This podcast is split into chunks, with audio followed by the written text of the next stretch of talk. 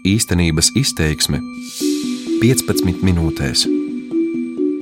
Lembergs iedeva sportistiem māju, kur dzīvot un trenēties. Atnāca jaunā valdība un atņēma māju, izdzina uz ielas. Tas ir citāts no žurnāla, kas jauns publicētā raksta ASV sankcijas trāpa pat Viktoram Ščerbatiham. Par mājas, jeb sportistu internātu atņemšanu rakstā sūdzas pats kādreizējais Olimpisko spēļu medaļnieks svarcelšanā un bijušais saimas deputāts Viktors Ščerbatihs. Valsts esot sportistiem nogriezusi 300 tūkstošus eiro, un viņi vairs nevarot sagatavoties šīs vasaras olimpiādei. Mani sauc Evita Puriņa, esmu Rebaltika faktu pārbaudas projekta Rīčeka redaktore un nākamajās 15 minūtēs izstāstīšu, kāpēc gan šis, gan citi Šķerbatiha paustie apgalvojumi par slikto valdību ir tīri meli. Šodienas īstenības izteiksmē pievērsīšos arī Daugaupilī. Stāstīšu, ar kādiem paņēmieniem tur pilsētas mērs Andrēs Elksniņš stiprina sev un Kremlim lojālo vietējo portālu Gorodu, un skaidrošu, vai patiesībai atbilst bijušās veselības ministres Andas Čakšas paustais par veselības apdrošināšanas iemaksām. Ar šo tēmu arī sākšu.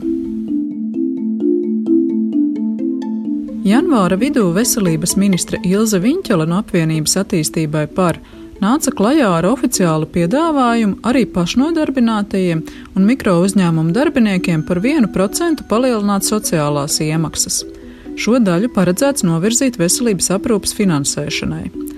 2017. gadā, kad veselības ministre bija Čakša, šāds palielinājums tika noteikts vispārējā nodokļu režīmā strādājošajiem.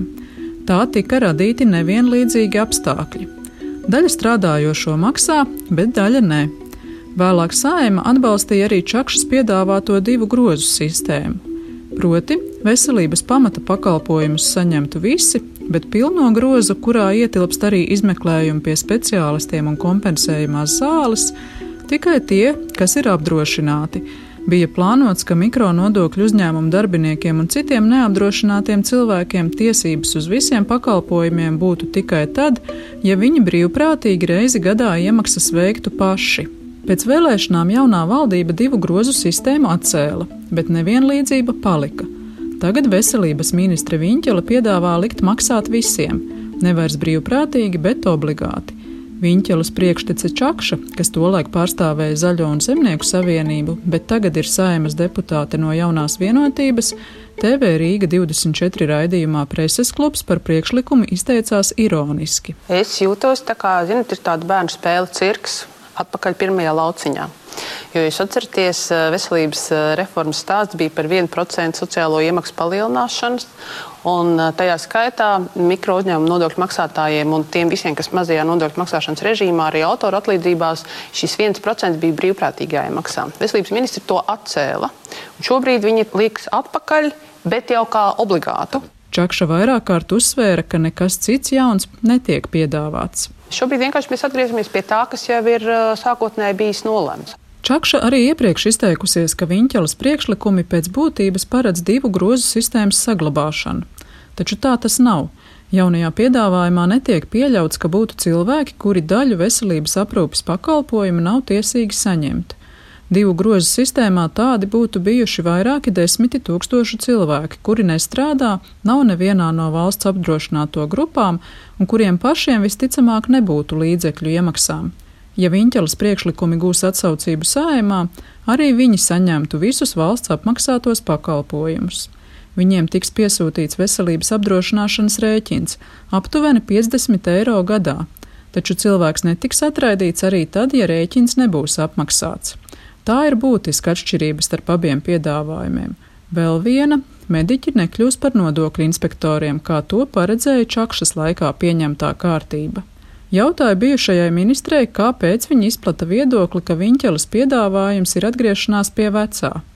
Deputātas teiktais liecināja, ka viņa savā vērtējumā kļūdās, jo ar veselības ministrijas priekšlikumiem nav detalizēti iepazinusies. Tanī brīdī, kas tika darīts? Paaugstināt sociālā iemaksu likmi par vienu procentu punktu. Tas, par ko nespēja panākt vienošanos, kā šiem mazajiem nodokļu maksāšanas režīmiem arī uzreiz to palielina obligātā kārtā, tas palika brīvprātīgi. Par ko gāja runa, ka paliks nu, ārpus veselības aprūpas pieejamības. visi šie, kuri pēc būtības var samaksāt uh, brīvprātīgi. Ja viņi nesamaksās vai nebūs kādā no maksāšanas režīmiem, viņi tieši tāpatās paliks ārpus veselības aprūpes nu, pieejamības. Tas neatbilst patiesībai. Secinājums bijusī ministre Čakša komentējot jauno piedāvājumu, tīši vai netīši maldina sabiedrību. Bet tagad pievērsīsimies Daugaupilī. Interneta vidē par pilsētas aktuālajiem notikumiem var uzzināt portālā Goroda, jeb Latvijas pilsēta. Tas ir krievu valodā rakstošs medijs ar iespaidīgu auditoriju un vienu politisko favorītu - pašreizējo Daugopils mēru Andreju Elksniņu no partijas Saskaņa. Pirms vēlēšanām mediji vēstīja, ka ar portālu saistītais laikraksts Našu Gorod pieder Elksniņa toreizējās draudzenes mātei. Tagad šādas saiknes vairs nav, tomēr pilsētā to joprojām sauc par Elksniņa portālu. Tas slavē vai katru mēra ideju un asi nopeļ oponentus. Taču mūsu uzmanību Gorod piesaistīja ar ko citu Tas regulāri pārpublicē Krievijas propagandas portālu Sputņika un tam līdzīgu ruporu radītos vēstījumus par Latviju kā neizdevušos valsti un vājajiem rietumiem. Portālā, piemēram, atrodams nesens raksts ar virsrakstu no vāciešiem pie angļiem, kā neatkarīgā Latvija nomainīja savu kuratoru. Vārds neatkarīgā likts pēdiņās, Baltijas valstis konsekventi sauktas par Pribaltiku. Kādam citam vēstures izklāstam likts virsraksts ar arhīva materiāliem sit pa Baltijas valstu okupācijas mītu. Abu rakstu autors ir Krievijas interneta vietne RU-Baltika.ru. Pirms dažiem gadiem Latvijas drošības policija rakstīja, ka tas analītiska portāla stilā veido Krievijai labvēlīgu ģeopolitisko skatījumu uz norisēm Baltijas jūras reģionā. Gorod līdzīgā mērcē pasniedz arī aktuālos notikumus. Piemēram, par valsts prezidenta gadumijas uzrunu tas vēstīja ar virsrakstu Pēc Levita domām Latvija ir nenormāla Eiropas valsts, traucē padomju mantojums.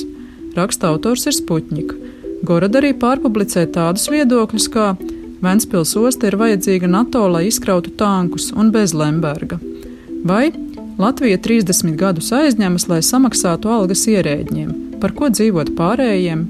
Lūdzu skaidrojumu Gorad redaktoras pienākumu pildītājai Ilgai Liepniecei. Tā nav nemaz taisnība jo mēs nemaz tā, nu, es nezinu, varbūt, ka jūs varētu mums atsūtīt kaut kādus man piemērus, bet tā absolūti nav taisnība, jo mums šajā aspektā noteikti ir savs kritisks viedoklis. Tas varētu būt kaut kas vienkārši nejauši iepublicējies, nu, kaut kādā ziņā mūsu portālā nu, mēs esam par Latviju un par mūsu atbalstu par iedzīvotājiem, un mums ir tikai nu, tāda vienīga nostāja. Tā saka liepniece. Portāls Gorada pērn no Daugavpils pilsētas budžeta par informācijas publicēšanu saņēma nepilnus 14 tūkstošus eiro. Domas priekšsēdētājs Elksniņš nevēlējās skaidrot, kāpēc pašvaldība ar iedzīvotāju naudu palīdz izplatīt Kremļa dezinformāciju. Aizbildinoties ar atvaļinājumu, telefona sarunā teica, bet rakstiski norādīja, ka likums liedz iejaukties masu informācijas līdzekļu darbībā. Aizvadītā gada beigās Daugopils doma izsludināja jaunu konkursu. Noteikumi veidoti tā, lai lielāko summu, nu jau 45 tūkstošus eiro, saņemtu tieši Gorada. Arī pārējos 45 tūkstošus paredzēts tērēt medijiem tikai Krievu valodā. Bija pieņemts tāds lēmums.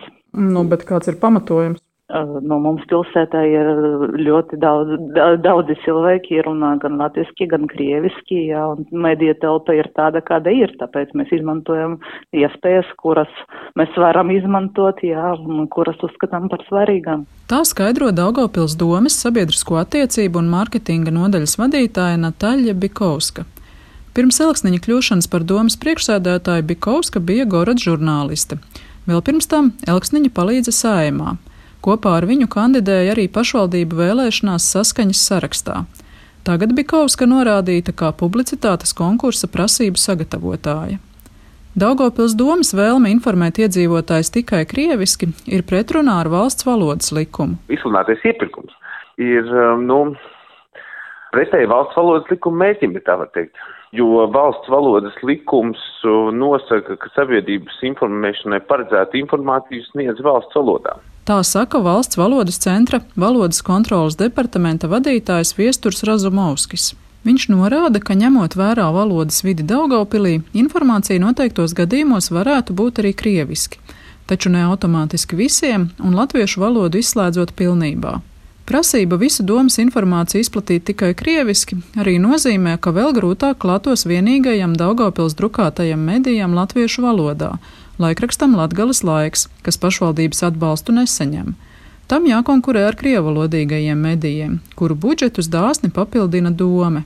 Pēc Ričeka raksta publicēšanas Elksniņš, neraugoties uz atvaļinājumu, pēkšņi piezvanīja pats gribētu jums izstāstīt, ka iepirkums ir pārtraukts. Iemesls, kāpēc konkurss izbeigts bez rezultāta, viņš gan neatklāja. Iepirkuma komisija tā acīm redzot ir nolēmusi. Iepirkuma komisiju saskaņā ar likumu ietekmēt ir aizliegta. Tik tālu par Daugaupili, bet tagad par to, kādus melus izplata Vēnspilī. Tur jau vairākus gadus darbojas augstas klases sportistu sagatavošanas centrs. Pusi naudas tam dod valsts, pusi pašvaldība. Centrā dzīvo un trenējas arī astoņi svarcēlāji. Šomēnes Svarcelšanas federācijas prezidents un bijušais saimas deputāts no Zaļo un Zemnieku savienības Viktors Šķerbātiks ar žurnāla Kas jauns starpniecību izplatīja satraucošu vēsti. Valdība esot atņēmusi 300 tūkstošus eiro un aizliegusi internātu finansēt arī pašvaldībai.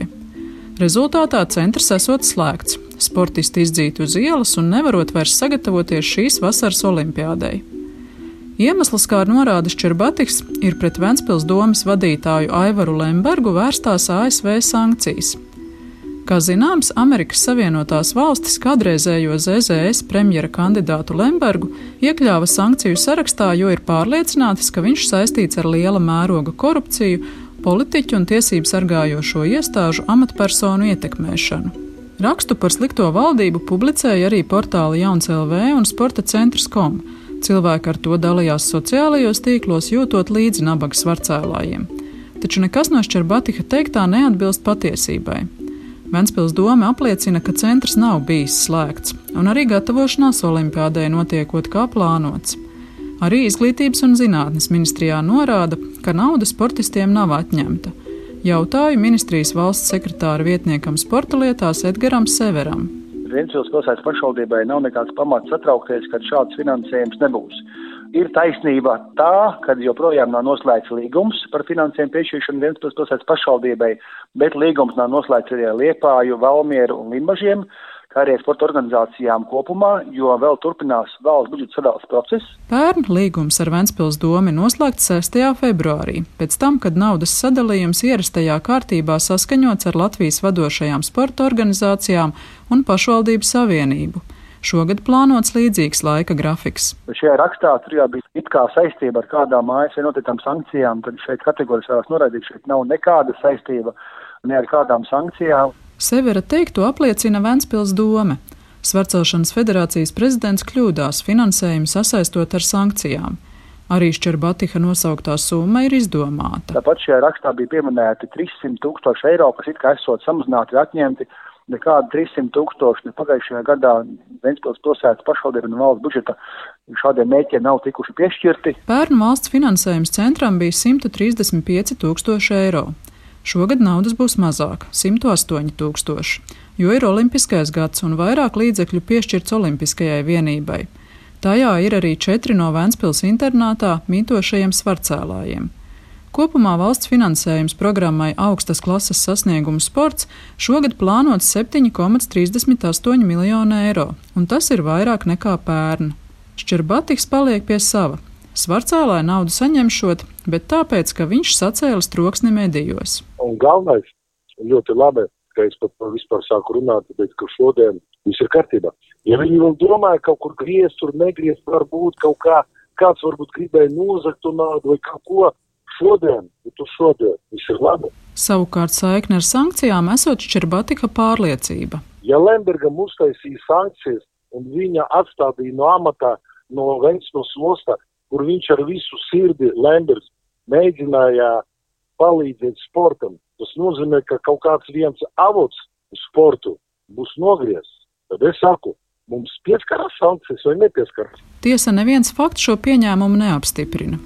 Uzdevu jautājumu arī žurnālam Kas jauns, kāpēc tas publicēja Šķerbatiha apgalvojums, nepārbaudot, vai tie vispār atbilst patiesībai. Atbildi nesaņēma. Raksta autors Juris Vaidakovs atteicās sniegt komentāru. Tas bija raidījums īstenības izteiksme, kuru veidoju es, Rebaltika faktu pārbaudas projekta Rīčeka redaktore Evita Puriņa speciāli Latvijas radio. Īstenības izteiksme 15 minūtēs.